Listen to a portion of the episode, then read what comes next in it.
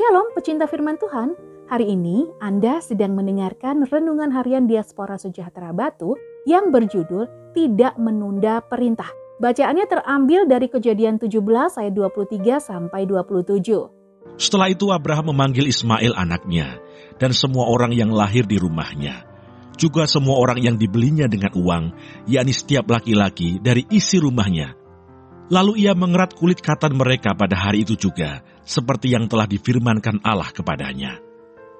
Abraham berumur 99 tahun ketika dikerat kulit katannya, dan Ismail anaknya berumur 13 tahun ketika dikerat kulit katanya. Pada hari itu juga Abraham dan Ismail anaknya disunat, dan semua orang dari isi rumah Abraham, baik yang lahir di rumahnya maupun yang dibeli dengan uang dari orang asing, disunat bersama-sama dengan dia.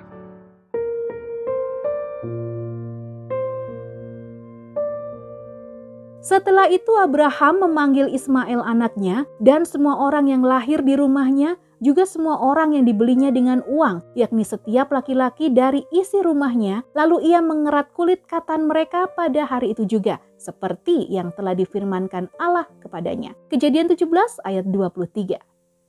Tahukah Anda bahwa menunda-nunda suatu pekerjaan merupakan awal dari membangun budaya kemalasan dalam hidup, kemalasan di hadapan Tuhan merupakan dosa. Sebab Tuhan tidak pernah menciptakan manusia dengan atribut kemalasan.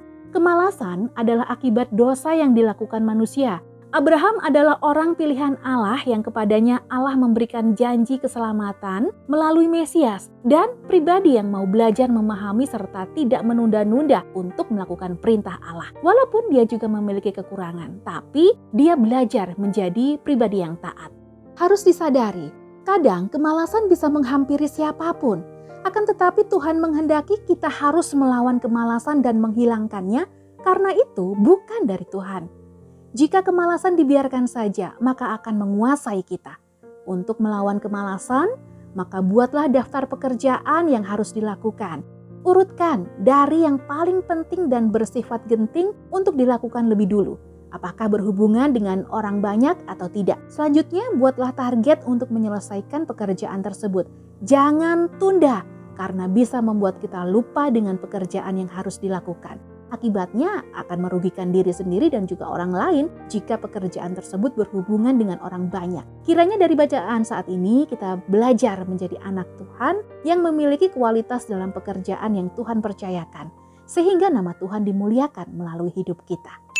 Sebab masakan aku pulang kepada ayahku apabila anak itu tidak bersama-sama dengan aku, aku tidak akan sanggup melihat nasib celaka yang akan menimpa ayahku. Kejadian 44 ayat 34. Tuhan Yesus memberkati.